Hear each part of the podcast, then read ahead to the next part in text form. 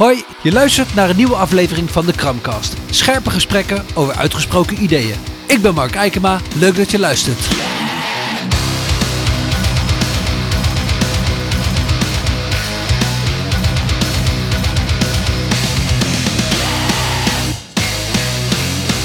Hey, uh, goedemiddag Willem, wat uh, goed dat je er bent. Ja, leuk om hier te zijn, Mark. Ja, te gek. Dankjewel dat je al die moeite wil nemen om, uh, om hierheen te komen. Want je komt vanuit Rotterdam ja. rijden, dus dat is, dat is nog wel een eindje naar Zwolle.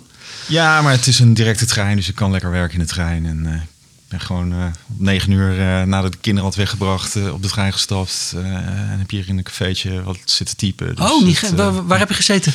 Weet je dat nog? Of, uh, iets met heel veel wafels. Dus ik heb een hard gewafel op. Uh, leuk tentje nee, in de oude binnenstad. Ja. Uh, die schitterende oude binnenstad die jullie hier hebben. Dus dat maakt het ook wel extra aantrekkelijk om hierheen te komen natuurlijk. Nou, te gek. Nou, dat, dat, dat hoor ik graag. Hey, um, ik heb je uitgenodigd om hier eens door te praten. Want ik zag een, een, boek van je voorbij komen met een titel die mij bovengemiddeld aansprak. Want jij bent schrijver van het boek Duurzaam Kapitalisme. Ik heb het hier voor me liggen. Uh, en toen dacht ik, uh, duurzaam en kapitalisme, dat is een interessante combinatie. Uh, er is vast een hoop over te zeggen. Um, voordat we daarin duiken, want dat wil ik graag met je doen, kun je zelf even kort iets vertellen over wie je bent en wat je doet in het dagelijks leven? Ja, nee, ik, ik ben van huis uit bedrijfseconoom. Ehm, heb in mijn eerste baan gewerkt voor General Electric, waar ik cijfertjes mocht doorgeven vanuit het hoofdkantoor in München. Uh, over alle units heen naar Amerika. En daar kwam ik erachter dat winsten net zo fictief zijn als uh, heel veel andere cijfertjes. Uh, dus, dus toen ben ik, ben ik gaan promoveren in de Erasmus Universiteit. vervolgens bij PwC, korte tijd. En, en bij Robeco aandelenbelegger geworden. Dat, dat is een supermooi beroep waarin je niet alleen met cijfertjes bezig bent, maar ook naar, naar maatschappelijke omstandigheden, massapsychologie, uh, markten, al dat soort dingen kijkt. Dus het, het dringt tot een, een, brede blik. Ja. Uh, en, daar zijn we ook de, de duurzaamheid uh, ingerold. Dus op een gegeven moment kregen wij in 2009 een, een nieuwe baas. die zei, ja, je, je, moet iets met duurzaamheid gaan doen. Ja. En toen... Ja, eerst hadden we zoiets van ja, het zal wel. Ja, uh, redelijk cynisch waren we erover. Uh, maar goed, um, dus, dus, we kregen wat data vanuit onze dochtermaatschappij in Zurich. Die zei, nou, bedrijf X is, uh, heeft een score van 50 en Y heeft een score van 65. Nou, het een is beter dan het ander. Geen idee wat het betekende. en we hadden een, een uh, proces waarbij we gewoon moesten beleggen in bedrijven die volgens ons meer waard waren dan, uh, dan de beurskoers. En dan gaat het om een waarderingsmodel. Dus dat is toch weer cijfertjes. Uh, en zo hebben we een manier bedacht om dat aan elkaar te koppelen. Ja. Dus een beetje technisch verhaal geef ik toe, maar het, het kwartje viel uh, toen ik ook naar de basismaterialen sector moest gaan kijken. Dus, dus uh, grondstoffen. Ja. En zag ik dat, dat mijnbouwbedrijven enorme miljardenverliezen leden doordat ze vergaten milieuvergunningen aan te vragen of, of, of zich lieten uitbuiten door een lokale regering of iets dergelijks. Terwijl chemiebedrijven heel winst, veel winst maakten door uh, schone oplossingen aan te bieden. Ja. Dus toen dacht ik wel, nee, wacht, dit moet werken. En ja, er is gewoon, er is gewoon een verband. Als jij uh, duurzamer opereert, dan kan dat extra kosten met zich meebrengen, maar ook juist concurrentievoordelen. Ja. En dat is ook dynamisch. En uh, ja, zo is dat uitgegroeid tot mijn uh, specialisatie. En ik heb een fonds opgemanaged bij NNIP en academisch boek geschreven met een prof in, in, in Rotterdam. En op een gegeven moment was ik s'avonds nog artikelen aan het schrijven. En ik heb gewoon een gezin, drie kinderen en een vrouw dus. Ja. Die verdienen ook wat aandacht. Dus ik dacht, ja. ik, ik, kan dit beter fulltime gaan doen. Uh, die baan opzeggen, uh, consultant worden uh, en nog meer boeken schrijven. En toen heb ik dit boek dus geschreven als, als de versie voor de leek. om, om een punt te maken dat ehm, dat het geen zin heeft om, om, om heel uh, idealistisch, uh, ultra groen naar duurzaamheid te kijken en, en het, het, financiële te vergeten. Maar evenmin om als een boekhouder naar te kijken, oh ja, wat kost het nou nu in de huidige omstandigheden? En je moet breed kijken. Ja. Niet alleen wat kost het nu, maar wat kost het in de toekomst? Uh, wat doet het met met veranderde posities. Dus dat haalbaar en betaalbaar onderschrijf ik. Maar je Ja. kunt het haalbaar en betaalbaar maken. Ja. ja, wat je zegt inderdaad in je boek, en, en ook op de achterkant kom- komt dat terug. Van er zijn een hoop mensen die bij het woord kapitalisme gelijk denken aan oh, milieuvervuiling, alles kapot, uitbuiting, et cetera. Ehm, en, en er is een andere beweging die zegt ja, we moeten het juist aan de markt overlaten, want daar gaan alle innovaties als vanzelf wel komen. Ehm, en de ondertitel van je boek is ook een andere kijk op waarde. Dus Ja. wat, je- wat je eigenlijk probeert te zeggen volgens mij is dat, dat we op een andere manier moeten kijken naar waarde. Daar zeg je ook iets over in het boek. Ja, nee, ik, ik, ik gebruik daar een, eh, het, waardevenster voor. Dat is een matrix. Het is natuurlijk zonder beeld even moeilijker uit te leggen. Maar eh, stel je voor dat je twee assen hebt. De ene as is de bekende as van... is het financieel wel of niet rendabel? De andere as is van... is het ook eh, maatschappelijk en ecologisch rendabel of niet? Ja, een groot deel van de economie zit gewoon in het kwadrant... waarbij het financieel wel rendabel is... maar eh waardevernietigend is op het sociale of ecologische. Ja. En om dus binnen planetaire grenzen te blijven, heb je een economie nodig die eh, ook sociaal en ecologisch waardevernietigend is en nog steeds winst maakt.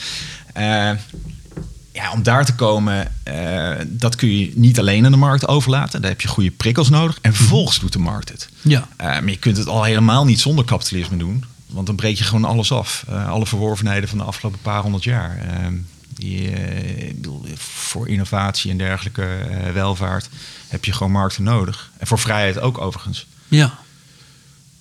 Want wat voor, wat voor gevaar zie jij dan, zal ik maar zeggen, meer aan de, ik noem het maar de wat socialistische kant van het verhaal? Nou ja, Want er zullen genoeg mensen zijn, en die, die heb je natuurlijk ook binnen een club als Extinction Rebellion bijvoorbeeld, die, waarvan de oprichter zelf al zegt, we zijn geen klimaatbeweging, we zijn een beweging die erop uit is om het kapitalistische systeem onderuit te halen. Ja, nou ja, en, en eh, afhankelijk van hoe je dat interpreteert, vind ik dat een heel sympathieke of heel onsympathieke redenering.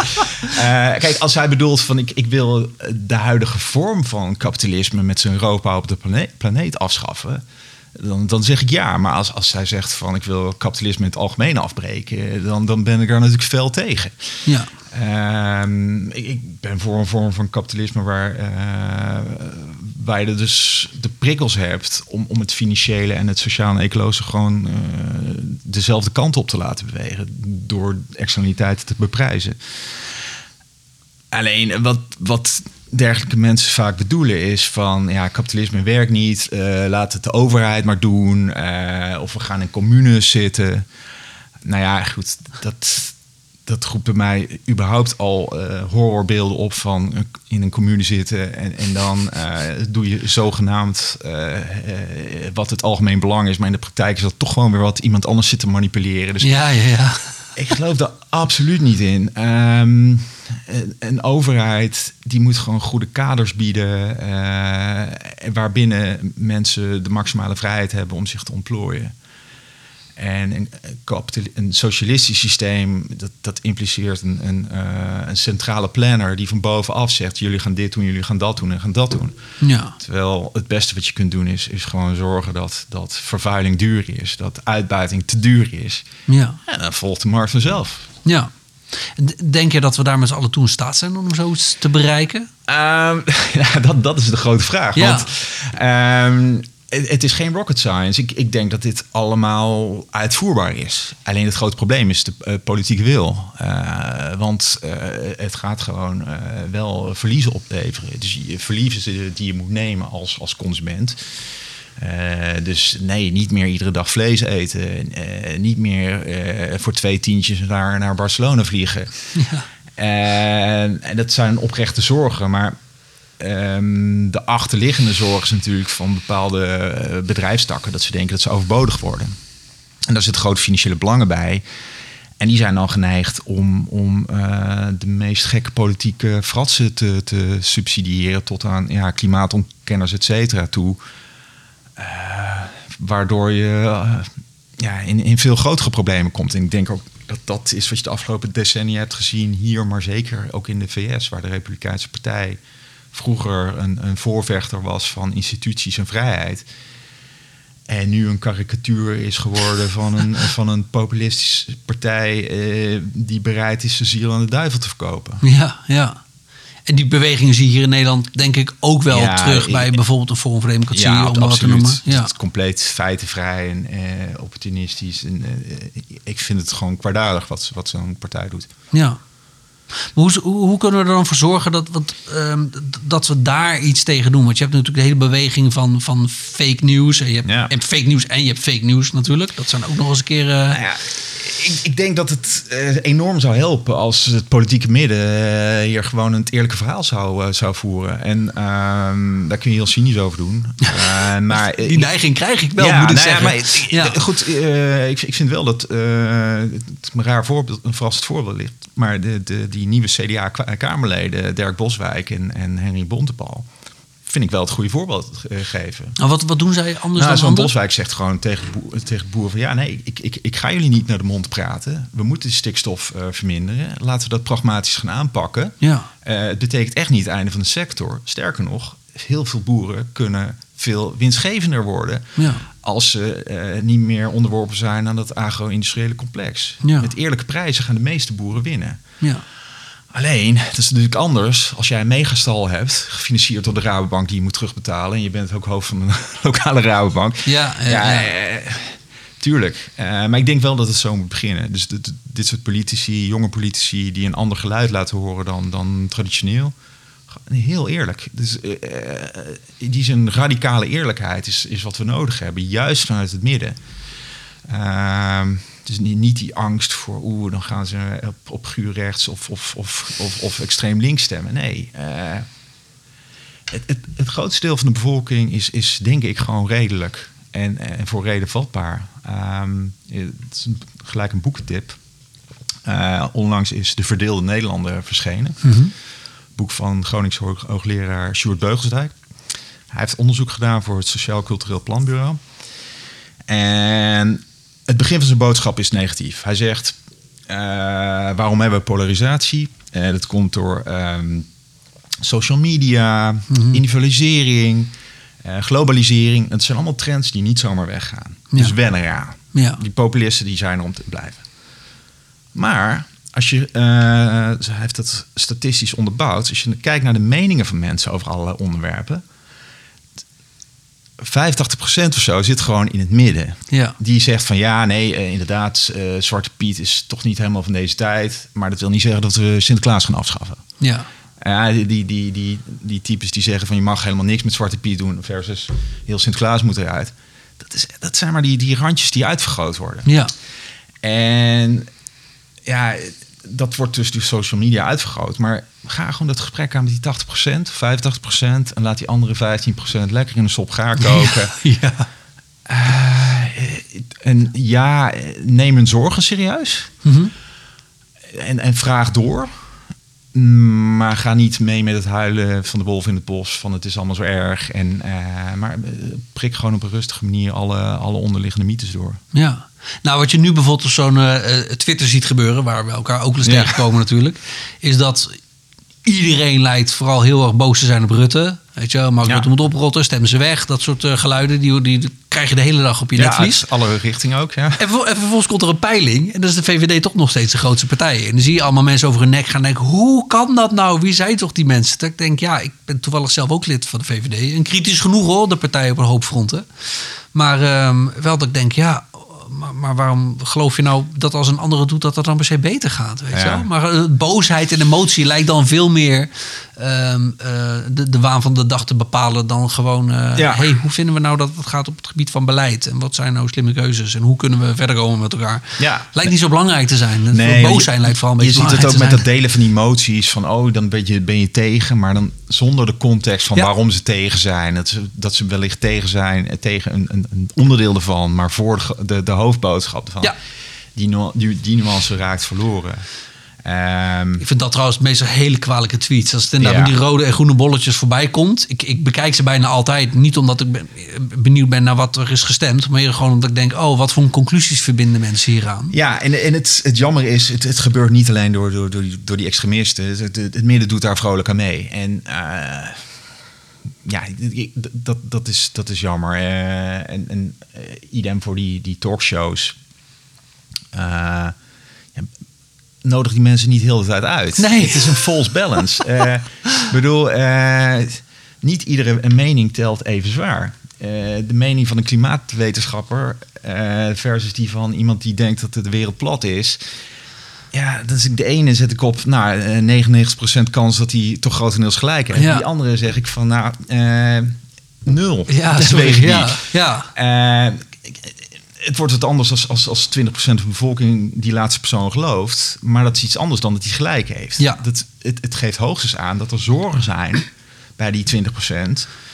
Dat ze ofwel iets gewoon niet gesnapt hebben. mm, maar dat is te simpel. Vaak is er een ander iets wat hen dwars zit. Mhm. En als we dat kunnen achterhalen, ja, dan, dan, dan, dan, eh, dan kunnen we verder komen. ja.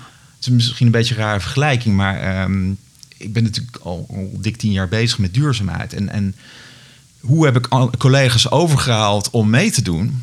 Dat was niet alleen maar gaan praten met degene die het al geweldig vonden. Nee, juist degene die moeilijk deden, Ja. ga je opzoeken en vragen van... eh, ja, maar oké, maar wat is nou precies je probleem? Hoe kan het wel weer werken?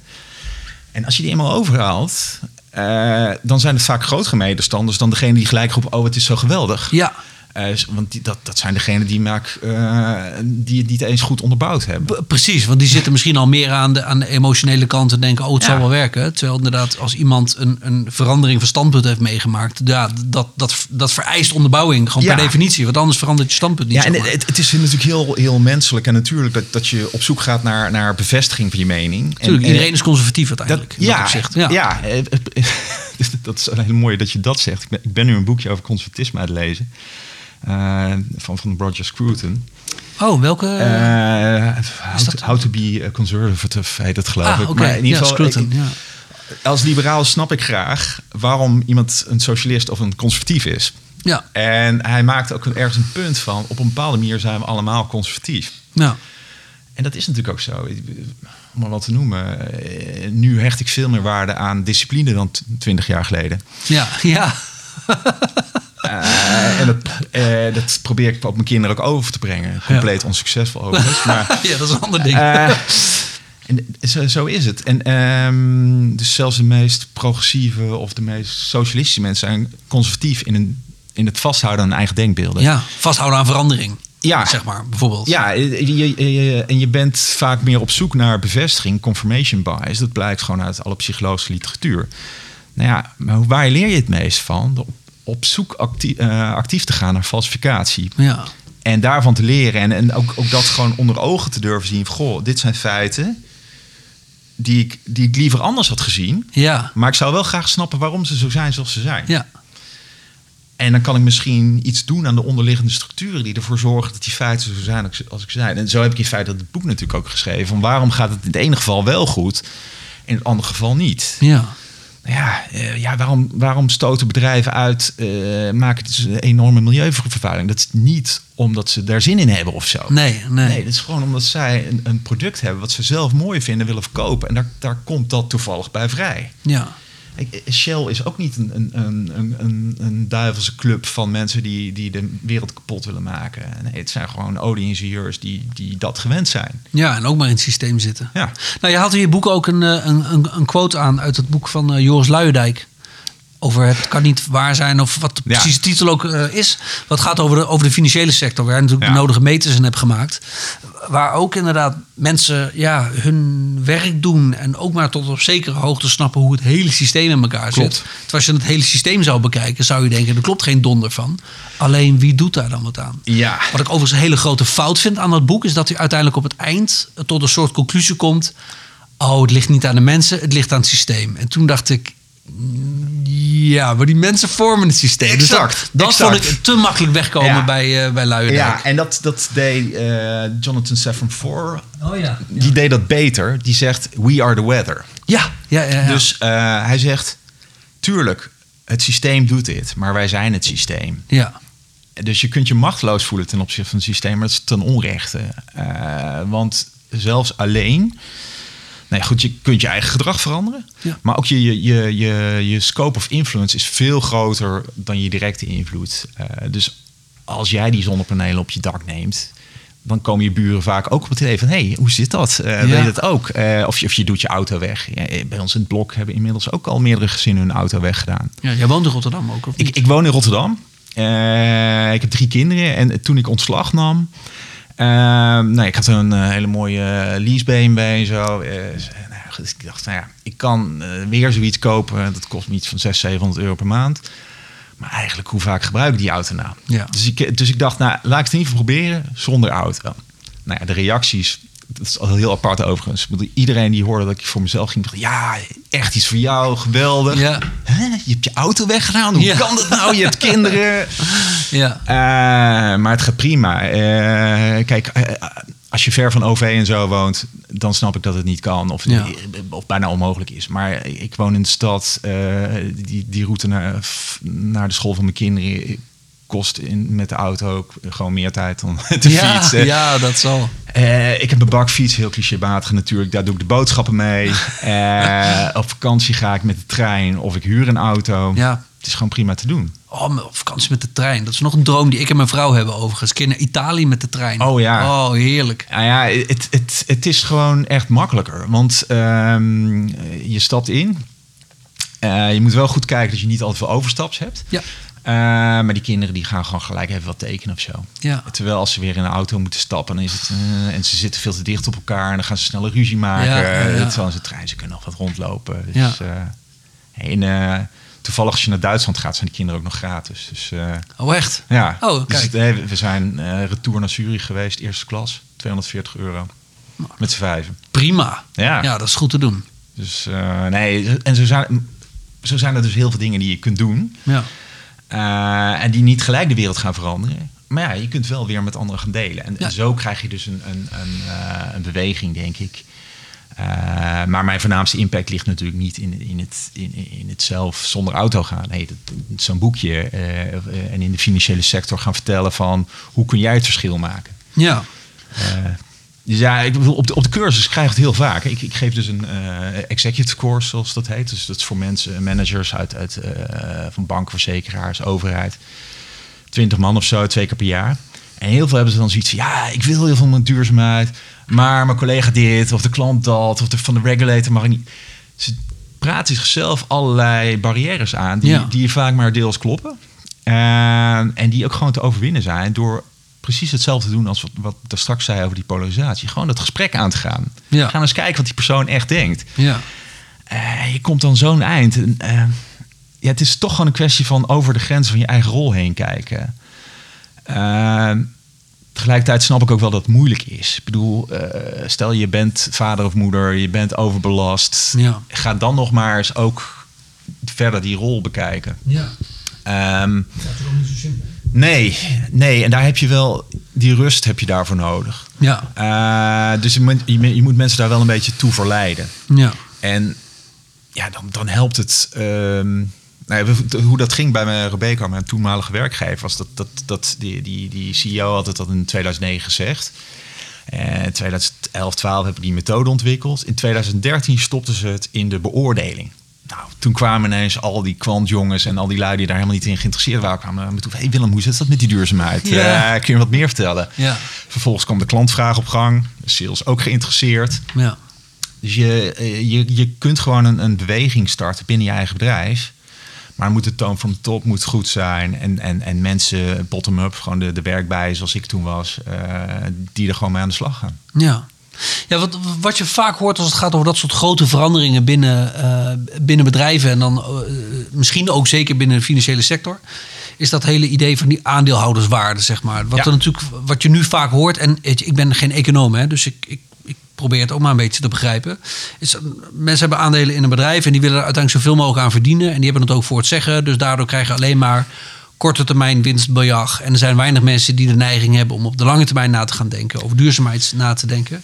En voor mij zeg je daar ook in je boek wat over. Eh, je, je hebt hier iets staan over een beter model eh, dan stakeholders of aandeelhouderswaarde. Ja, ja. Hoe pak je dat vanuit jouw eh, expertise en ervaring? Hoe zou je dat aanpakken? Hoe Ja, nou, ik- ik- laat ik eerst wat meer over die, dat aandeelhouderswaardemodel zeggen. Ehm, kijk, ten eerste wordt het soms om de verkeerde reden afgebrand. Hè. Mensen zeggen van, oh, dan, als je alles voor de aande- aandeelhouder geeft, dan gaat het automatisch ten koste van de anderen. Dat is helemaal niet zo. Eh, de originele theorie hierover zegt juist van, eh, de aandeelhouder krijgt pas wat als die anderen zijn uitbetaald. Dus je moet je bedrijf goed runnen om aandeelhouderswaarde te creëren. Ja. En dat betekent vaak gewoon dat je je mensen goed moet behandelen, je, je klanten, et cetera. Dus ook in het aandeelhouderswaardemodel zit best een aardige prikkel om het goede te doen. Ja. Alleen er zijn grote uitzonderingen. Die uitzonderingen zitten in die externaliteiten. Dus, dus de, de dingen die wel voortvloeien uit, uit jouw proces, maar waar je de kosten niet voor draagt. Ja. Dus een KLM, de- eh, Air France KLM, dat 30 miljoen ton CO2 uitstoot. Eh, wat als je dat tegen 100 euro erin zet, eh 3 miljard waard is, veel meer dan hun winst. Ja. Eh, dus dat heb je. En, en dat wordt in dat aandeelhoudersmodel niet ver- verholpen. En, en, en daar komt nog eens bij dat eh, je kunt het heel erg korte termijn runnen, waarbij je niet een, eh, waar- waarbij je puur gaat kijken op de winst, niet nu dit jaar in plaats van lange termijn, eh, omdat managers daarop beoordeeld worden. En zeker in de Amerikaanse variant kan het dus compleet uit de hand lopen, waarbij dus luchtvaartmaatschappijen aandelen inkopen, zodat die manager een bonus van 100 miljoen op eh, eh, eh, vangt.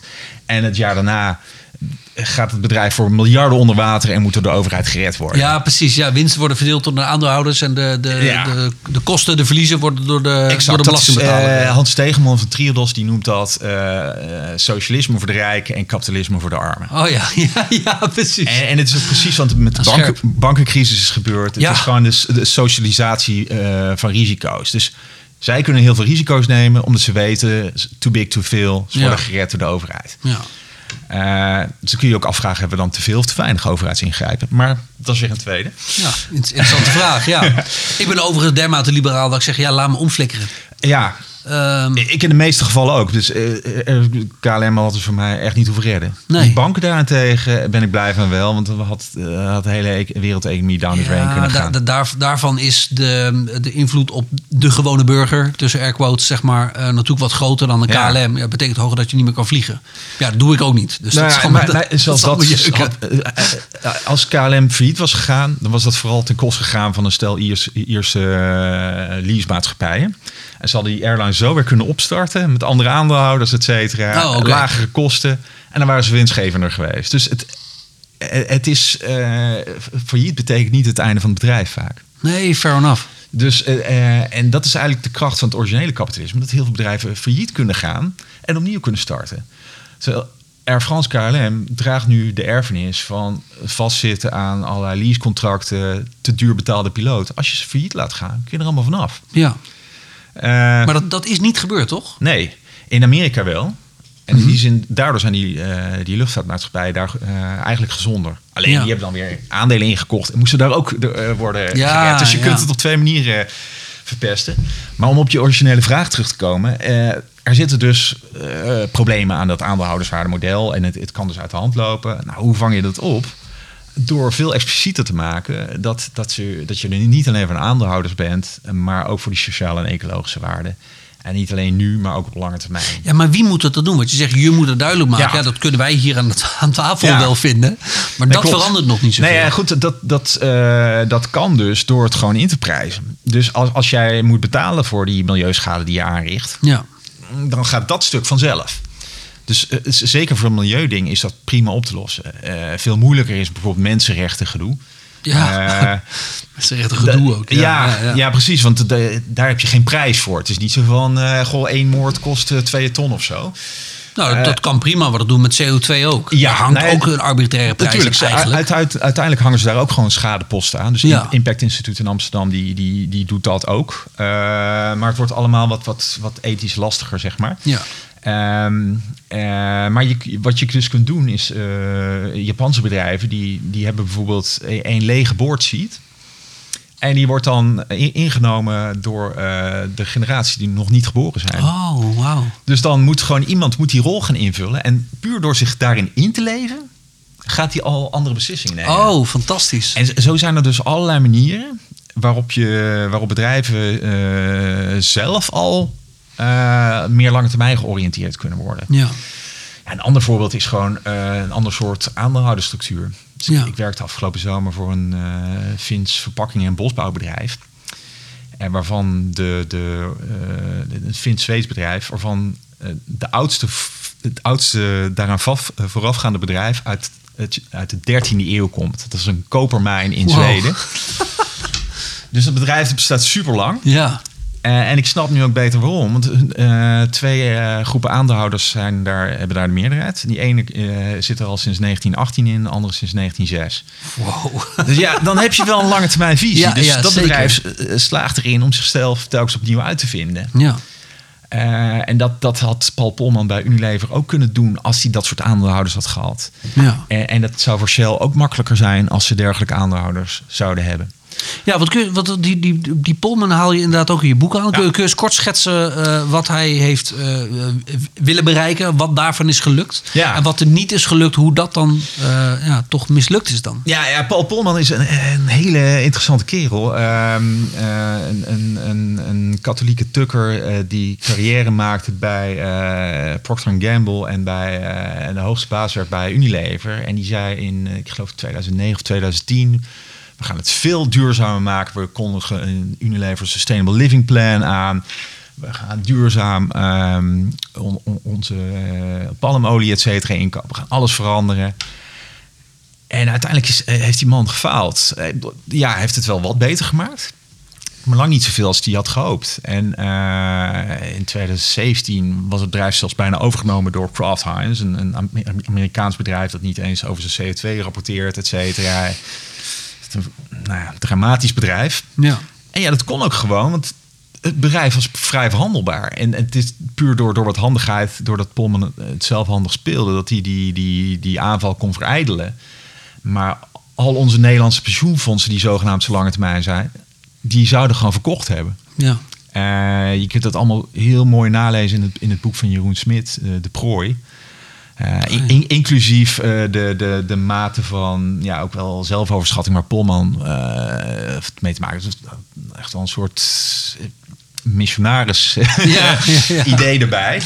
Eh, hij heeft volgens mij zelfs nog, nog mee die de paus geholpen bij het schrijven van zijn encycliek. Ja, En, eh, inderdaad, daar las ik ook iets over. en dat soort Ja. dingen. Eh, En hij was betrokken bij, de, bij de, het opstellen van de Sustainable Development Goals. Dus ik, ik kan me voorstellen dat je dan heel belangrijk waant. En, en, Ja. en, en hij luistert ook niet zo goed meer naar, naar zijn mensen en zo. Dat, dat is gewoon een, een, een, een probleem uiteindelijk. Maar ja, dus hij had bepaalde dingen beter kunnen doen, maar had ook gewoon te maken met een structuur waar het moeilijk kon. Ja. Eh, en dus als, als Unilever die structuur had gehad van het Finse bedrijf, ja, dan was het al compleet anders geweest. Ja. En wat ook anders was geweest is van, eh, het- voor die Finnen is het ook makkelijker omdat zij business to business leveren, niet eh, en, en, en niet direct aan de eindklant. Ja. Dus sommige verdienmodellen zijn gewoon moeilijker om te zetten. Ik bedoel, het verdienmodel van Hennes en Maurits en Zara en zo is ook verschrikkelijk moeilijk. Fast fashion, ja. Ja. Maak dat maar eens duurzaam. Ja. Ik heb daar wel mijn idee over, maar het is een stuk moeilijker dan het verdienmodel van Philips of DSM. Nou, ik ben benieuwd, wat zou jij daar dan in eh, eh, willen aanpassen? Nou ja, in, in- bij Zara en, deze, en eh, H&M hebben zowel een ecologisch als een sociaal probleem. Dus het is, in 2013 is dat, dat gebouw Rana Plaza in ehm, Bangladesh ingestort. Ja. Waarbij 2000 mensen kwa- omkwamen. Die waren gewoon onderbetaald, et cetera. Zo'n zo'n t-shirt hoeft nauwelijks duurder te worden om die mensen goed te betalen. Ja. Dus dat zouden ze gewoon kunnen oplossen. Eh, maar dan heb je veel meer transparantie in de keten nodig, waardoor duidelijk is dat je een eerlijk loon betaalt. En dan Ja. moet iedereen dat doen. Makkelijk. Ja. Relatief makkelijk. Ja, hoop werk, maar Ja. niet al te complex. Eh, Die, die, het veel moeilijkere eh, probleem inherent aan dat verdienmodel is dat zij gewoon iedere x aantal weken een nieuwe collectie hebben die daarna vernietigd wordt. Ja. Ja, daar zou je vanaf moeten. En eh, dus die frequentie moet omlaag. Je moet aan recycling gaan doen. Eh, eh, het Patagonia-model, zeg maar, van dat je je jas gewoon kunt inleveren en dat zij hem repareren.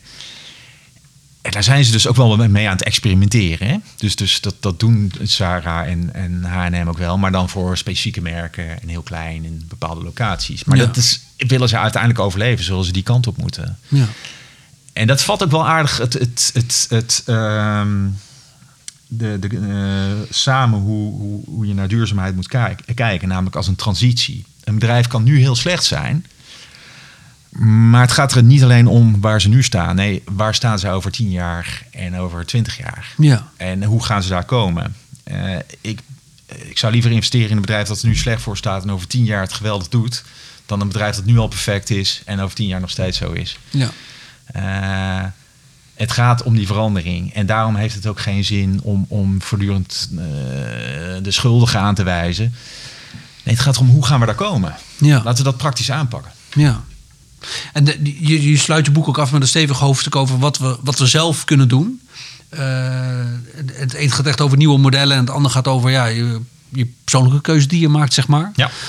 Want ehm, ik heb dat zelf iets minder, maar ik ken een hoop mensen die erg cynisch zijn over ja, het heeft toch allemaal geen zin. Want de politiek of de bedrijven doen toch wel wat ze willen. Ja.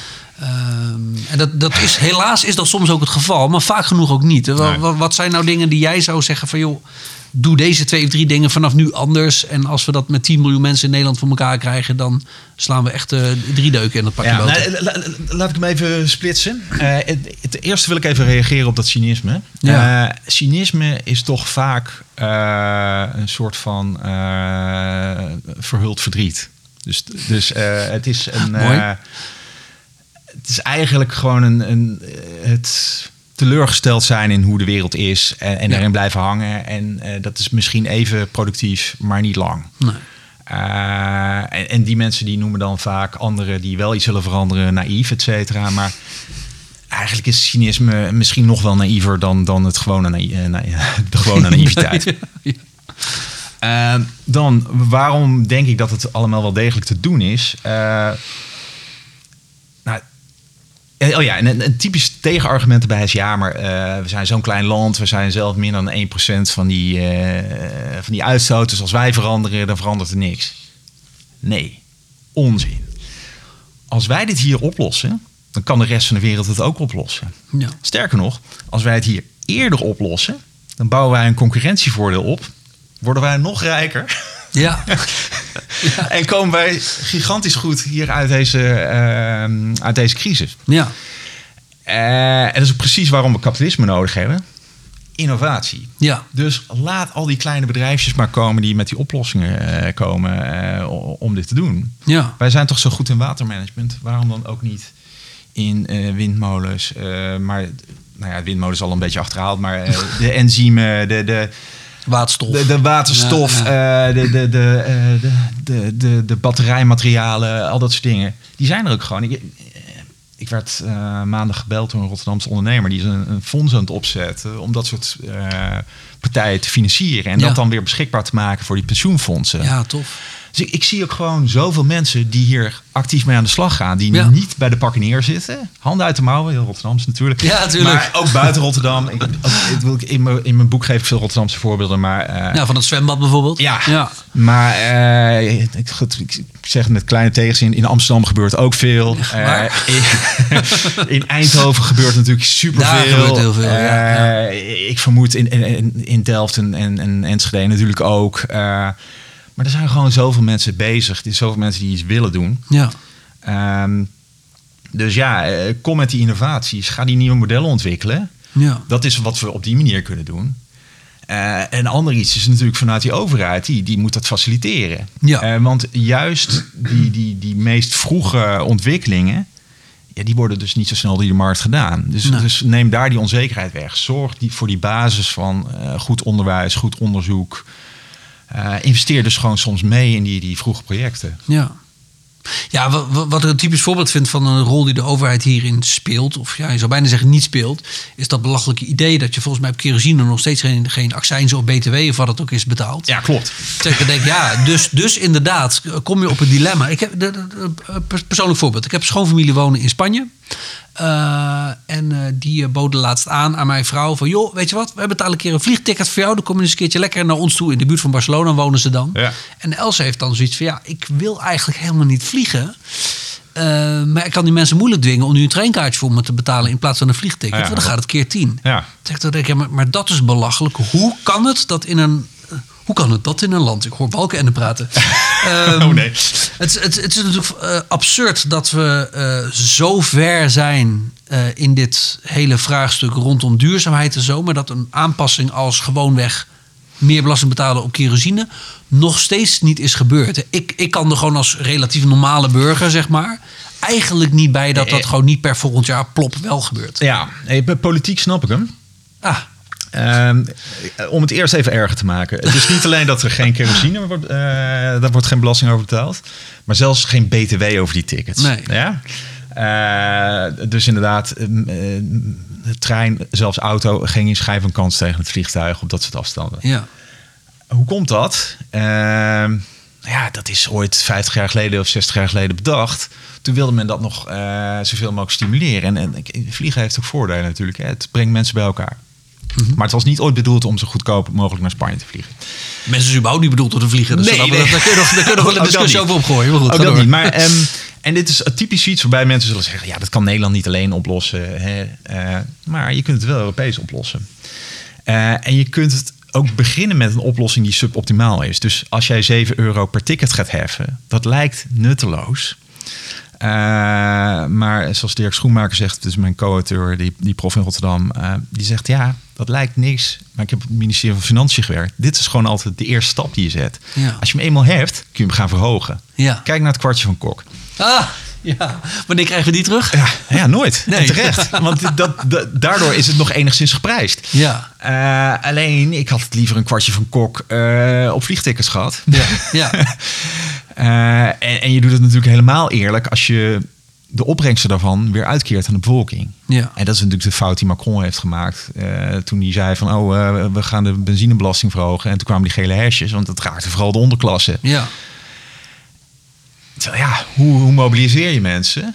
Nou, verhoog die belastingen eh, op, op die, die, die tickets. En, en verlaag het, het laagste tarief van de inkomstenbelasting. Ja. Lijkt me niet zo moeilijk. Nee. De, dus dat, dat, dat kun je prima doen. Het gebeurt niet. Nee, eh, nog niet. Eh, die, die vliegbelasting die gaat er komen. Mhm. Eh, de G20 heeft afgesproken om überhaupt eh minimumbelastingtarief voor bedrijven naar 15% te gooien. Ja, dat hoorde ik inderdaad. Ja. Dat, is wel, dat is wel te gek. Ja, en vanuit de EU heb je natuurlijk die, dat Fit for 55 en Green Financing Deal. Het klinkt Dat, allemaal. zeg, dat die twee zeggen bij minder? Dat, het klinkt allemaal heel technisch, maar dit gaat heel groot worden. Dus je hebt plannen die dwingen de financiële sector om duurzamer te worden. Plannen die ehm, bedrijven dwingen om duurzamer te worden. En dan ook weer de, de, de, de, de, eh, die informatie opleveren waarmee de financiële sector meer druk op die bedrijven kan zetten. Ja. Dus je krijgt gewoon een vliegwiel dat zichzelf versterkt. Dan gaat het ook de nationale statistiek in. Dan kun je er makkelijker belasting over heffen. Het wordt Ja. duidelijker zichtbaar. Dus mensen worden er bozer over. Dus de Ja. druk neemt toe.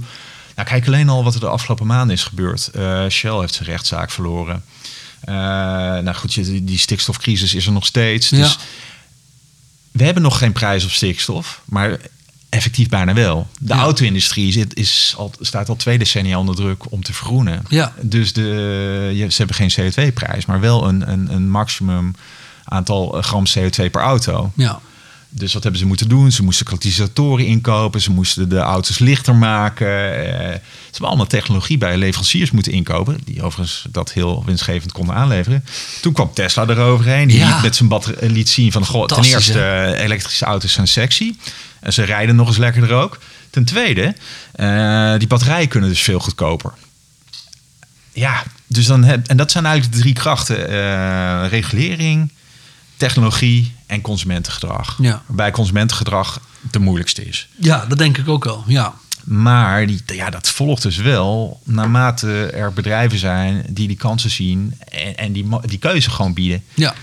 Eh, ja, waarom koopt niet iedereen bio in de supermarkt? Omdat niet duidelijk is wat het betekent. Maar als je Nee. straks precies kunt zien in je Albert Heijn of welke supermarkt dan ook van...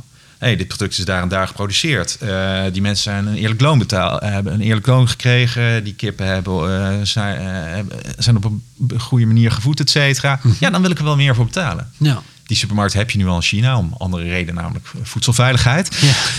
Maar dat soort transparantie, Ja.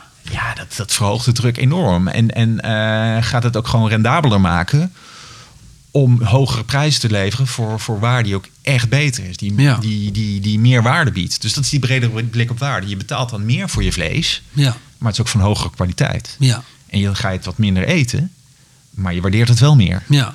Wanneer je het eet. En wat ik dan een lastige vind, ik, ik ben bijvoorbeeld best wel fan van het bedrijf Kipster. Je kent het vast Ja. wel. Ik vind het fantastisch wat ze doen. Wij eten thuis, ik zal niet zeggen nooit vlees, maar vrijwel nooit. Eh, maar ik zag dat ze nu zelfs rookworsten gaan maken van het haantjesvlees, zeg maar. Oké.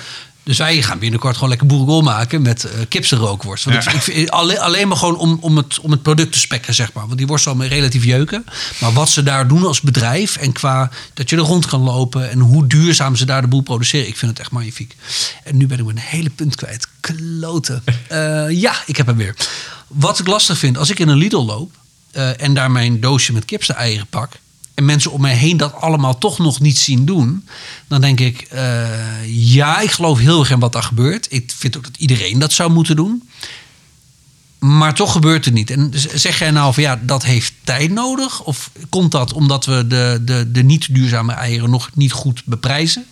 Of is het, waar, waar ik veel meer in zit, is het veel meer een soort sociale dan wel spirituele, spiritueel vraagstuk over hoe we als mensen naar dit soort dingen kijken? Dan ga ik je een typisch economen antwoord op geven. Alle drie. Ja, ja tuurlijk. Nee, kijk, eh, bedenk, Nee, allicht. Dat- het bedenk is- eerst waar we vandaan komen. Ja. Eerst kon je die kipster eieren niet eens kopen. Nee. Eerst dacht jij er zelf ook niet aan, vermoed ik. Ik in ieder geval niet. Ik bedoel, eh, net zoals jij eet ik ook heel weinig vlees. Eh, maar dat was tien jaar geleden wel anders. Ja. Eh, dus ik heb die omslag gemaakt. Ja. Eh, en, en ik zie veel mensen die omslag maken. Ja, en, ja, en- gelukkig wel. En, en, ik verwacht dat dat nog steeds, dat dat steeds meer gaat gebeuren. En ja, dat wordt door twee dingen gedreven. Eh, die spirituele omslag. En, en ook gewoon die, die, die, die, die beschikbaarheid. Dus die, de, Ja. die, die markt en regelering die erachter zit. Ja. En dat, dat, dat gebeurt gewoon in tandem. Dus ik, ik geloof niet in de silver bullet van dit lost alles in één keer op. Kijk, Nee. de, de economen roepen al decennia van je moet het inprijzen. Maar het is niet het enige. Nee. Het, het vraagt om die brede blik. Het vraagt om... om, om het, het- je noemt het spiritueel, het, het, het besef dat je niet alleen op de wereld bent, eh, maar dat het leven van anderen en van dieren eh, ook een waarde heeft Ja. ja, zo gauw je dat in al zijn dat accepteert met alle implicaties ervan, ja, dan, dan, dan ga je er gewoon heel anders in staan. Ja. Maar dat, dat vraagt wel wat, zeg maar. Het is Ja. niet zo dat we dat volgende week voor elkaar hebben. Nee, zeg dat maar. dat eh, een enorme rol voor het onderwijs. Eh, Ja. Ik denk dat eh, het is ook een generatieprobleem. Eh, nee, ik ben nog iets ouder dan jij, maar eh, eh, eh, Weet ik niet. Ja, jawel. Ja, ik, ik, Eh, ik, ik ben al eh, in de ik wil, 40, bij- dus... ik wil eh, bijna vragen uit welk jaar je komt. maar dat, dat, eh, dat- staat niet op je boek, Nee, ik. hè? 75. eh, dus, Ben je eh, 75? Je ziet er jonger uit. nee, van 75. Oh. nee, dan ben je zes jaar ouder dan ik. Dat, Nee, dus, dat klopt inderdaad wel. Ja. Maar goed, ehm, eh, mijn zoontje zei laatst iets raars op de fiets. Die zei van ja, eigenlijk was het beter als er geen mensen waren voor de planeet. Oh, die kan zo bij Extinction Rebellion Zo, aanschuiven. Dat, nou, ik weet, toen ik negen jaar was, eh, had ik dat niet bedacht hoor. Toen Nee. was ik auto's aan het tekenen. Ja. Dus, eh, en, en Oh, wauw. op het jeugdjournaal krijgen ze heel veel van mee. Dus het, Ja. ehm, er gebeurt heel veel. En dan kun je cynisch over doen. Ja, al die millennials die gaan ook weer gelijk vliegen, et cetera. En het is ook heel dubbel. Ik bedoel, natuurlijk er zijn ook al die mensen die hier eh, mee bezig zijn en dan toch weer gaan vliegen. Er zit heel veel eh, cognitieve dissonantie bij. Tuurlijk. Maar ja. die gaat ook verminderen. Ja, Ehm, dus daar ben ik wel degelijk heel hoopvol over. oké. Dat is eigenlijk mijn volgende vraag. Of je hoopvol bent over de toekomst. Maar dat, dat, dat, dat, dat blijkbaar wel dus. Ja, ja niet iedere dag in dezelfde mate. Laat ik daar Nee, eerlijk over zijn. Ik heb ook mijn cynische dagen. Maar eh, ja, die beweging vanuit de EU met, met al die wetgeving vind ik heel hoopvol. Ehm, Ja, is, is Euro, wordt Europa hier een hele positieve kracht in? ja, Oké. ja, ja, dus, dus, dus die, die dingen die ik noemde van, eh, van die regelgeving, dat, dat, dat helpt gewoon enorm. Eh, en het grappige is dat zelfs Trump hierbij helpt. Trump helpt Trump hierbij. helpt. Ehm, kijk, Dat, eh, die, die, die kan op het tegelt aan de muur. Ja. Maar, ik ben benieuwd. Nou ja, kijk, eh, Trump heeft ons ten eerste geopolitiek wakker geschud. Van we- staan er mogelijk alleen voor. Ten tweede heeft hij een, een, een ehm, handelsoorlog met China ontketend. En daarin wordt Europa ook gewoon betrokken. Ja, en in een handelsoorlog komt het eigenlijk best wel goed uit als jij een CO2-prijs gaat rekenen aan de grens. Ja. Want als je die ook doorrekent aan Chinees staal, dan komt dat Chinees staal er gewoon niet meer in. Dat vinden de Europese staalproducenten heel fijn hoor. Ja. En dan zijn ze ineens best wel voor eh, dit soort dingen. dus Ja. wij kunnen dit doen. En Europa is militair niet zo machtig. Nee. Het is een dwerg. Ja. Eh, behalve Frankrijk misschien. Israël. Eh, ja. Ja, als je bij Europa rekent, is ieder geval Nou zo'n bond, de, E- de EU dan. bondgenoot. Ja, oké, kunnen EU. zeggen. Nee, nee, maar dit, dit- dit- Frankrijk is, is, is de enige serieuze eh, binnen de EU. En dan heb je natuurlijk Verenigd Koninkrijk en Israël daarnaast. Duitsland Maar- was dat ooit, maar dat ja, is, dat, dat, daar hebben we wat minder goede herinneringen aan. Maar, dat liep iets anders. Ehm, maar wat ik wil zeggen, ehm, Rob de Wijk laat dat heel aardig zien in zijn boek De Slag om Europa. Die was heel cynisch begonnen over hoe zwak Europa was. Maar uiteindelijk komt hij tot de conclusie dat Europa eigenlijk supermachtig is. En dat, dat, dat, eh, dat al die, die autoritaire macho-mannetjes, de Xi, Poetin, maar ook Trump, die slaagden er gewoon niet in om Europa klein te krijgen. En een van de redenen is, is de Brussels effect, zoals het heet. Dus al die regeltjes die Brussel uitvaardigt over producten, het meeste daarvan worden gewoon elders overgenomen. Want als jij op die grote Europese markt 500 miljoen mensen wil produ- produceren. Stel, jij maakt stofzuigers in Argentinië. En die moeten in Europa verkocht worden. Ga je dan in, in de VS een ander model verkopen? Nee, dan pas je diezelfde regels toe. Ja. Sterker nog, die Amerikanen nemen heel veel van die regels ook letterlijk over. Dus Europa zet gewoon die minimum eisen. Ja. En, en dat heeft de, de harde randjes van kapitalisme al voor een groot deel ehm, ja, verzacht. Ja. En zo is dat telkens gebeurd. Kijk maar naar de 19e eeuw, wat, wat bij uitstek de harde kapitalisme, eh, kapitalistische eeuw was. Kijk, je kunt van alles zeggen van Bismarck, maar hij heeft wel een sociaal stelsel Ik ingevoerd. weet niet zo goed wie dat is. Uh, Bismarck was die, die Duitse kanselier, die of Pruisische kanselier die Duitsland verenigd heeft in 1871 door eh, eerst oorlog te voeren met Denemarken, toen met Oostenrijk en toen met Frankrijk. Dus echt vredelievend persoon was het niet. begon toen al. Ja, nee, dat is toch iets wat. Nou ja, goed. Eh, Let's not ik, go ik- nee, ik natuurlijk verder een heel positief beeld van Duitsland, maar. eh, ehm, maar goed, dat was dus de ijzeren kanselier, zeg maar. Ja. Ehm, maar die heeft dus, om de socialisten de wind uit de zeilen genomen eh, te nemen, heeft hij allerlei sociale wetgeving ingevoerd. Dus eh, eh, een pensioenstelsel, dat soort dingen.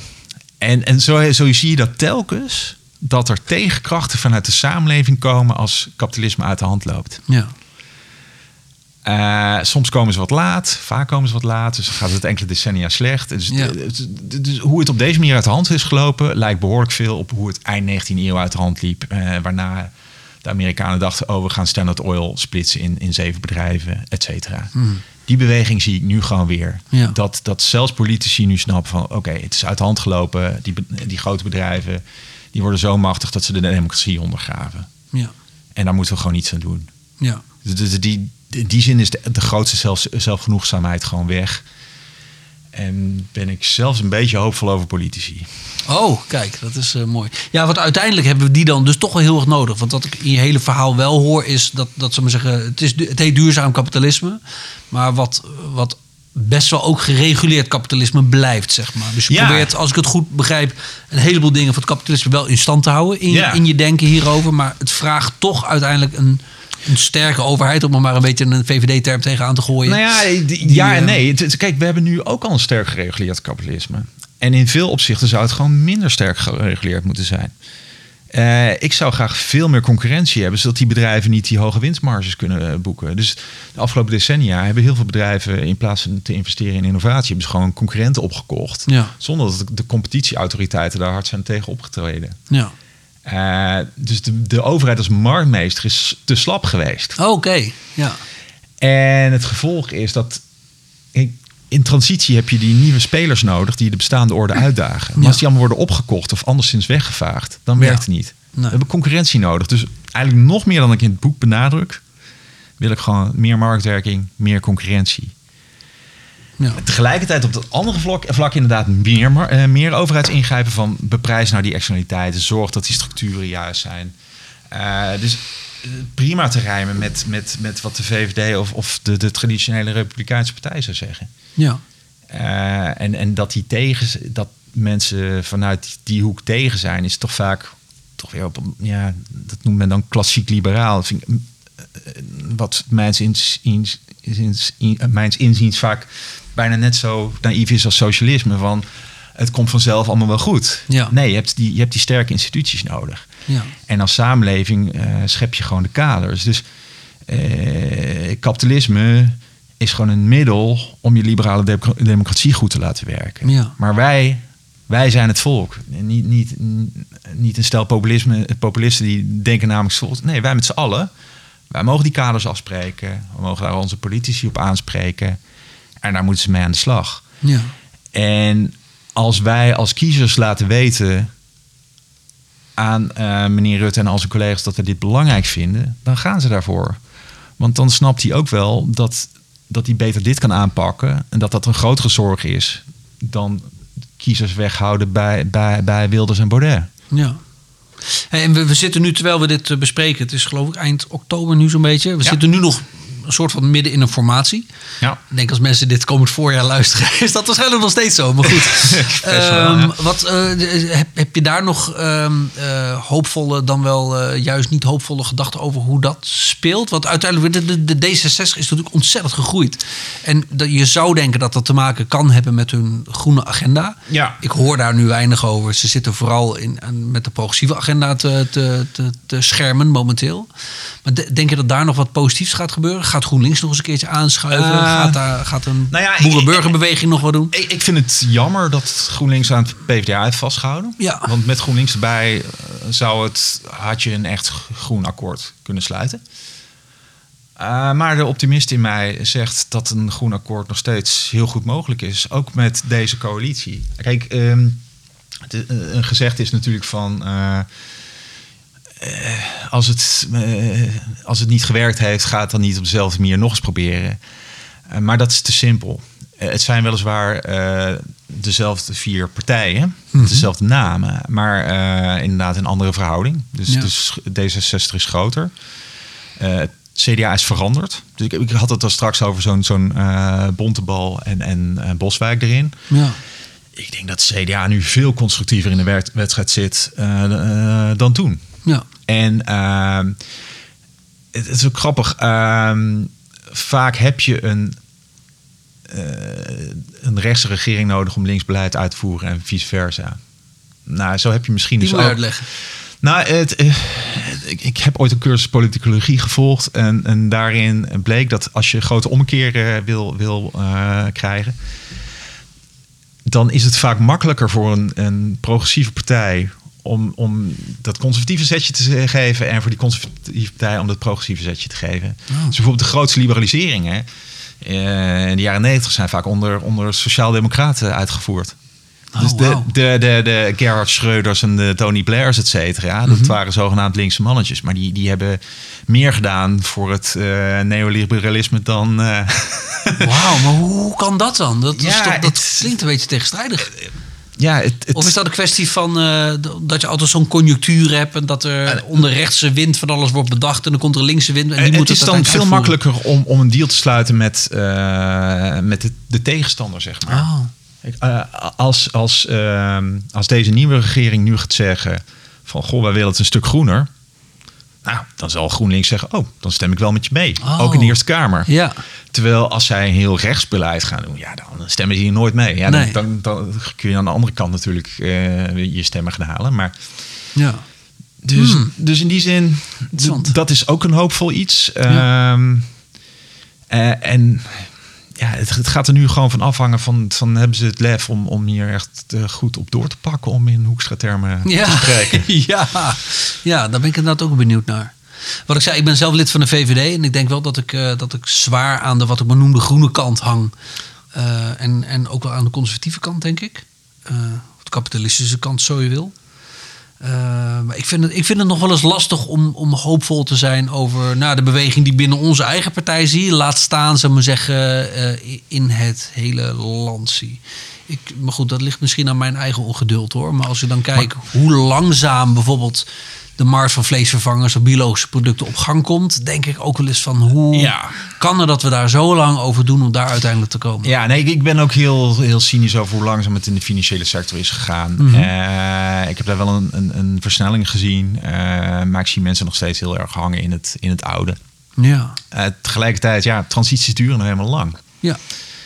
Eh, dus als we rekenen van, vanaf pakweg 2015, ja, dan heb je het over minimaal 2030 eh, dat je aan het veranderen bent. De grootste verandering. ja.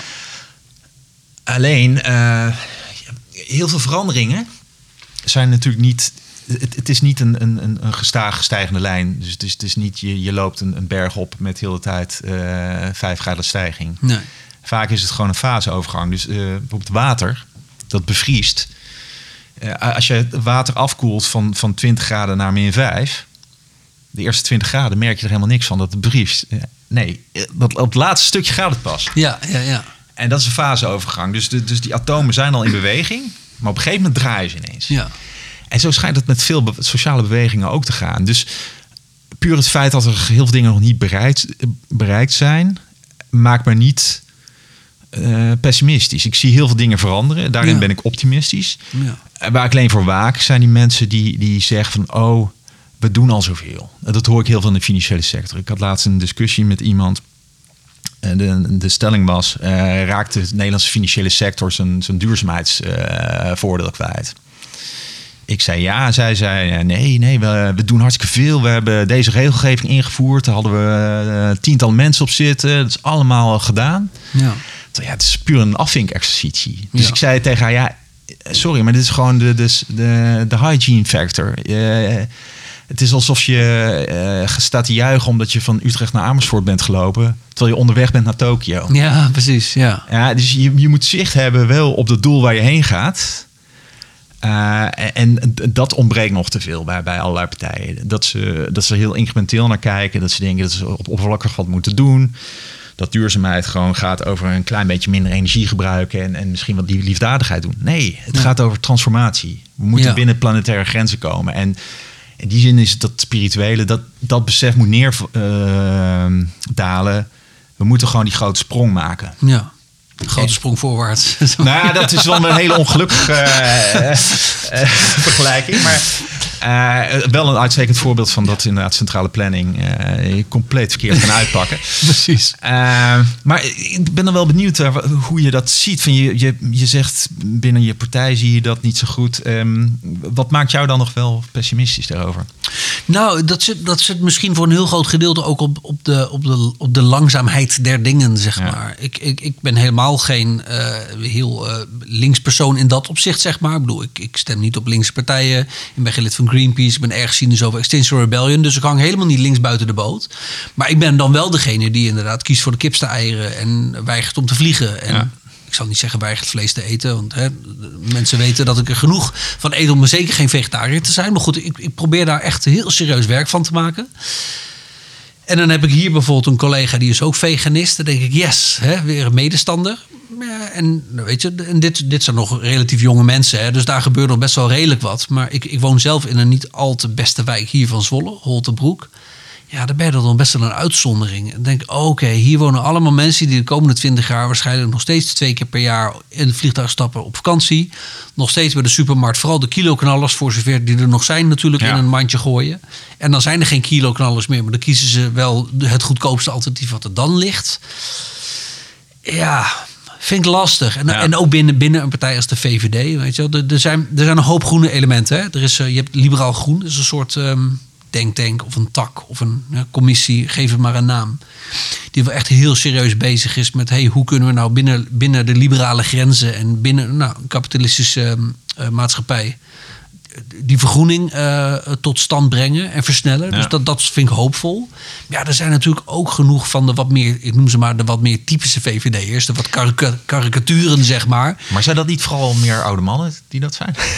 Ja, dat, laatste. dat- ja, dat schijn je niet te mogen zeggen. Maar eh, dat, eh, nou, ja, ja, tuurlijk, ergens wel. Gewoon de, de, de, nou, de, weet je, de, de bier- en bitterballen en BMW-rijders, eh, zeg maar. No offense voor de BMW overigens. Maar ja, die, die, die zijn daar dan toch nog best wel sterk vertegenwoordigd. Het- goed, ik ben hoopvol hè, over een huidige lichting. Als je kijkt wie er nu zit, Tom van Kampen en Judith Thiele en Queenie Reukowski, zeg maar. Ik vind dat, ik vind dat hele positieve eh, jonge mensen die daar, zal maar zeggen, echt wat kunnen bereiken. Maar de, de, de, de Ton Eliassen en zo lopen er natuurlijk ook gewoon Ja. nog steeds rond. Ja, nou goed, de positieve noot die je kunt kraken is van... eh, Ze zijn er überhaupt. En ze Ja. krijgen voet aan de grond. Ja, zeker. En ze, voelen, ze, ze, ze zien toch voldoende aansluiting om binnen die partij dat geluid te laten horen. Ja. Ze hadden ook de makkelijke weg kunnen kiezen en, ehm, en zich bij D66 eh, kunnen aansluiten. Ja, Eh, of het CDA of eh, ChristenUnie of iets dergelijks. ja, ja. Is niet gebeurd. nee. Nee, dat, en dat is zeker waar hoor. Dus ik, ik moet mezelf daar ook wat uh, zelf af en toe even nee, het, het, is, het is een moeilijke balans hoor. Om, om een, een, een, dus enerzijds die, die hoop en die, die goede tekenen zien. En anderzijds blijven we hameren op, op de, de, de, de, de zelfgenoegzaamheid van, van ja, zeg maar die oude garde. Ja. Ja, en uiteindelijk bedoel, als ik zou maar zeggen, zo al met al je boek inderdaad uh, lees en zie waar je mee aankomt, denk ik, uh, hey, overweegt interessant en positief. Hangt toch nog best wel veel op, ook op politieke wil. En dat vind ik dan nog wel eens lastig, omdat je daar wat minder over te zeggen hebt. Tegelijkertijd, ik geloof uiteindelijk veel meer in veranderde harten van mensen. Nou, voordat je, voordat je daar bent. Ja, uh, dat is misschien zo niet nog moeilijker natuurlijk. Ja, dat is ook wel weer zo. Ja, maar tegelijkertijd, als je dat bereikt dan komt die politieke verandering ook wel. Zeker, precies. En dat, dat is, dat, ja. En die veranderde harten, dat, daar heb je, dat heb je wel veel meer zelf in de hand. In ieder geval in je eigen omgeving. Precies. En dat, dat, dat maakt ook, zal maar zeggen, dat ik inderdaad het. Uh, veel meer ook geloven uiteindelijk in een soort, ik noem het maar een soort spirituele vernieuwing bij mensen. Want ik denk dat dat inderdaad uiteindelijk uh, het, hetgene gaat veranderen. Nou, een beetje kijken naar Joris Luijendijk, dat hij inderdaad zegt, ja, het ligt aan het systeem.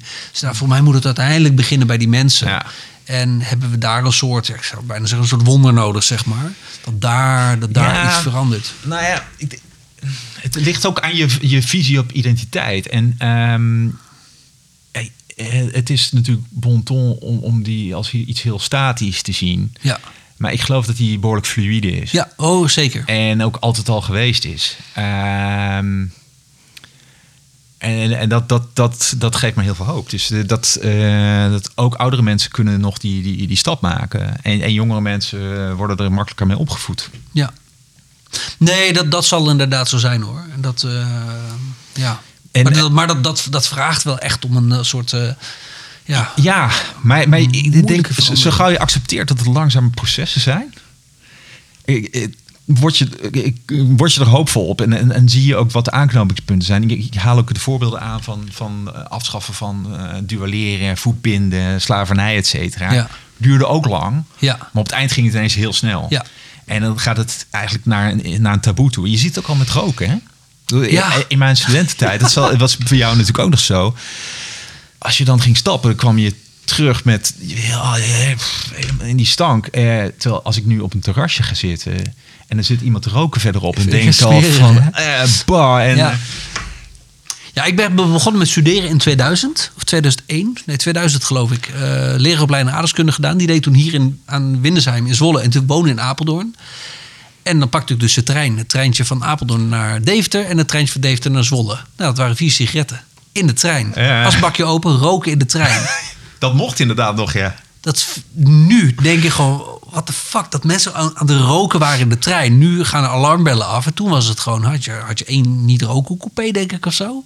Voor als je het echt heel smerig vond. Ja. Ik had je nu voorstellen dat dat toen... En, en twintig jaar daarvoor stonden gewoon op verjaardagen... gewoon potjes met sigaretten op tafel. Ja. Notabene. Dus ook, je, je hebt daar ook gewoon gelijk in. Dat, het kan inderdaad opeens heel snel gaan. Ja, en je hebt maar een paar procent van de bevolking nodig... die er echt op inzet. En kijk, je zei, ik ben cynisch op Extinction Rebellion... Uh, maar die lui hebben wel een, een functie omdat ze die aandacht trekken. Dat is waar. Dus zij laten dat zien. En, en zij stellen bepaalde ehm, vanzel, uh, vanzelfsprekendheden op een hele mooie manier ter discussie. Ja. Je hoeft het niet met ze eens te zijn. Gelukkig maar. Maar ja, net zoals uh, extreem rechts uh, ook een functie heeft. Zeker, ja, nee, dat, dat klopt ook. En uiteindelijk moet je ook denk ik altijd heel erg naar, naar, naar de rafelrandjes luisteren. Want er zit vaak wel een bepaald iets aan waarde. Alleen al, zou maar zeggen, om hun angst te horen. Ja.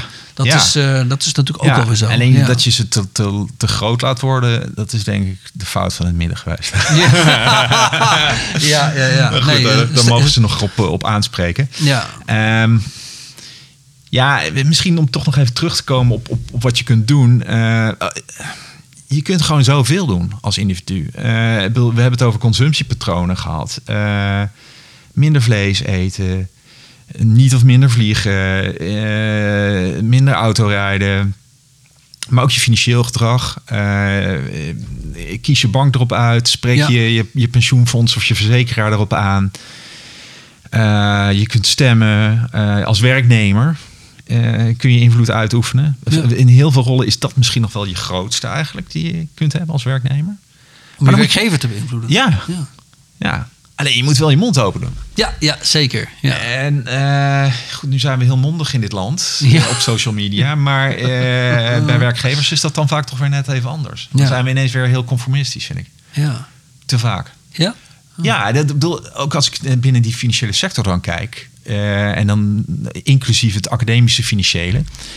En dan ken ik ook hoogleraren die, die, eh, die, die, eh, die heel links zijn. Mm, Maar dan vanuit een vakgebied dat aandeelhouderswaardemodel aan het verdedigen zijn. Ja. Ik van ja, hou, hou die werelden niet gescheiden. Nee. Denk even wat verder. Ja. Eh, en, even goed, mensen bij, bij die, die vermogensbeheerders, et cetera, die, die, die dan eh, ja, gewoon in hun eigen rolletje zitten en denken dat ze niks kunnen. Maar je kunt wel wat. Ja. Dus eh, geloof wat meer in jezelf.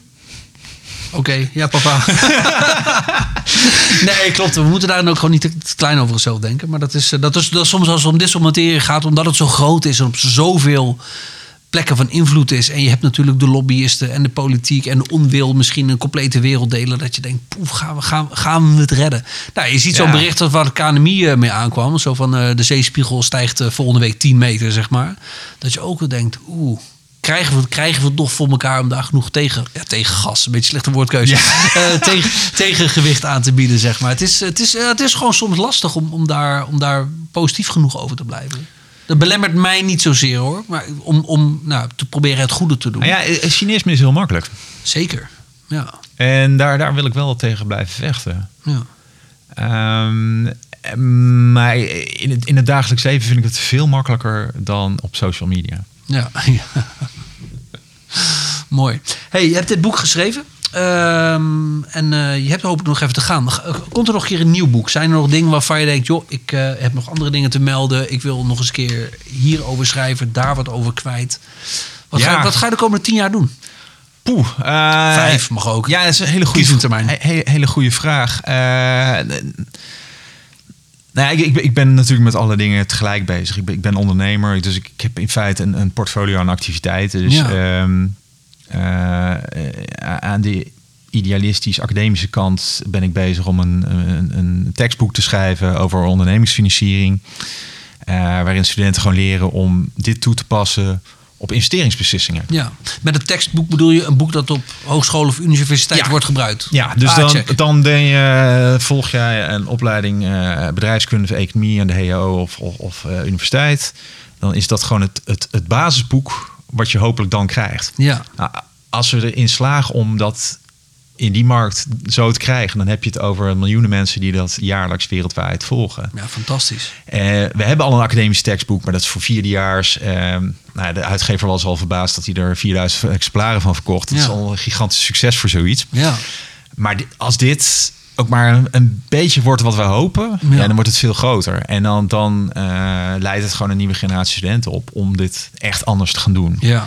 Eh, en kunnen we ook bedrijven gewoon helpen om dit anders aan te pakken. En dat, dat doe ik dus ook in mijn advieswerk, die bedrijven helpen. Ja. Eh, ik zit bij een Duitse start-up, dus vandaar dat ik wel degelijk wat met Duitsland heb. Ja. Mooi. heel, heel, heel praktisch. Ehm, eh, hebben een joint venture met een Duitse bank, een soort Duitse triodos in, in Bochum. En wij helpen hen om eh transitierisico van klimaat te vertalen in het risico voor die bank. Ja.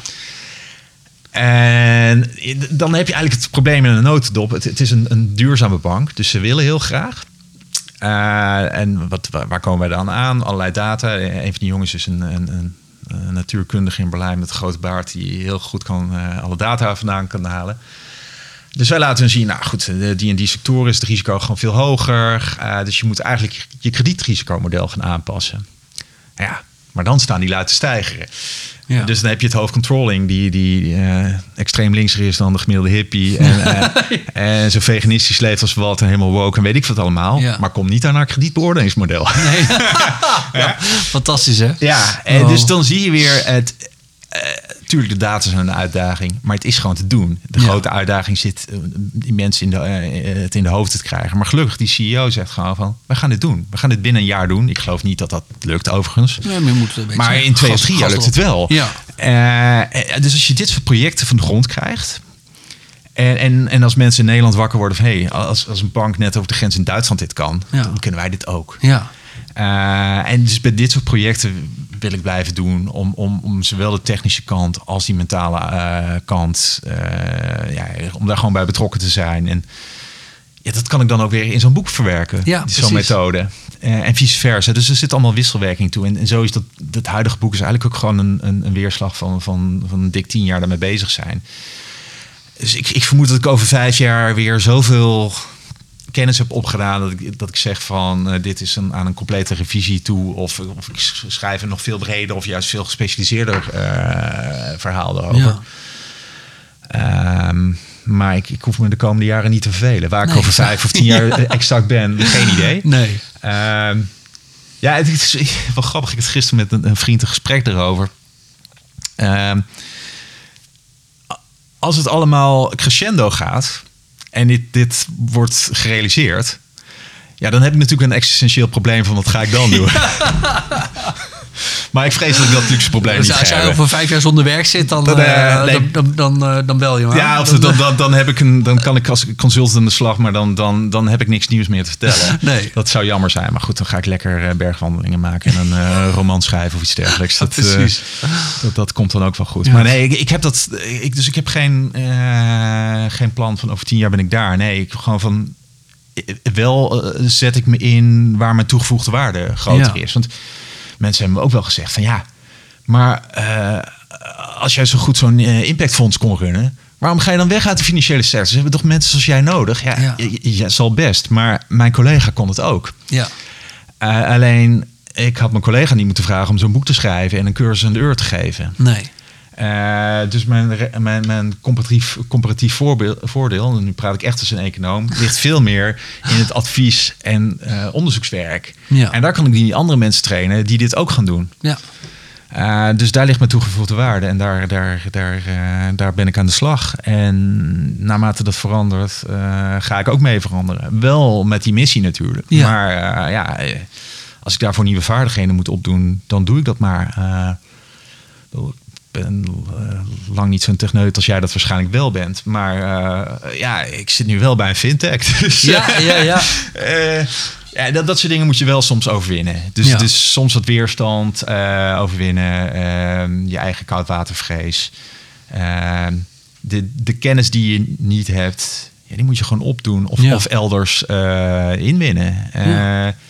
Dus volgens mij Eleanor Roosevelt, die, die zoiets zei van ja, eh, het, het domste wat je kunt doen is, is, is, eh, is, je niet omringen met, met goede adviseurs als je president ja. bent. Ja. Ja. Ja, Je kunt niet alles zelf weten. Nee, dat geldt in je persoonlijk en je, en je werkende leven nat- natuurlijk ook. Eh, als ik echt iets wil, wil bereiken, dan zal dat ook in de IT-systemen moeten gaan. Dan moet ik dus iets snappen van hoe die systemen werken. Ja. En dan moet ik op zijn minst gaan praten met de mensen die dat doen. Ja. Nou, je zit hier bij ons aan tafel, dus Ja. dat, eh, dat scheelt dan Ja, wie weet gaan we een keer een project doen. Zou hartstikke leuk zijn. Ja. Ehm, dat doen we bij deze trouwens al, door deze Ja, opname te nee, maken absoluut. natuurlijk. Dus, eh, Absoluut. dus ehm, hey, interessant. Dankjewel. Ik vond het ehm, eh, interessant om eens zo te horen. Je weet er een stuk meer vanaf dan ik. En daar heb ik dus ook weer een hoop van geleerd. Dus dank daarvoor. Hey, als mensen meer van je willen weten. je boek, Willem Schra- Schramade heet je. Schramade, ja. Schramade. Het boek heet Duurzaam Kapitalisme. Een andere kijk op waarde. Is gewoon eh, bij iedere fatsoenlijke boekhandel eh, te krijgen. Of te bestellen. Of Ja. eh, absolute aanrader. Ik, ik heb ervan genoten. Ik vond het te gek om je te spreken. Ja, ik vond het erg leuk om, om hier te zijn. Mooie vragen. Zoals ik ook wel had, had gehoopt en verwacht gezien je, je eerdere podcast natuurlijk. Ik vind het heel mooi dat je dit op, op, het snijvlak van, van meerdere terreinen doet. Ja. Juist omdat dat ook nodig is. Ja, het, precies. Het, het is interdisciplinair. Ja. Eh, daar moet je overheen gaan. Dus, eh, Holistisch wordt het eh, ja, maar genoemd, hè? Zonder het specialisme te vergeten. Ja. Het is beide. Ja. Yin, en, yin en yang. Om, om het, goed, nu klink ik heel vaag, terwijl ik een extreme rationalist ben. Maar je hebt dit nodig. Ja, zeker. Je ja. hebt het nodig. Top. Dus nee, geweldig. Dank je. Te gek. Dank voor het. Uh, we gaan allemaal het boek lezen. En nou, ik spreek over tien jaar. Ik ben benieuwd waar je dan staat. Ja. Hopelijk eerder. Komt goed. hey, dankjewel.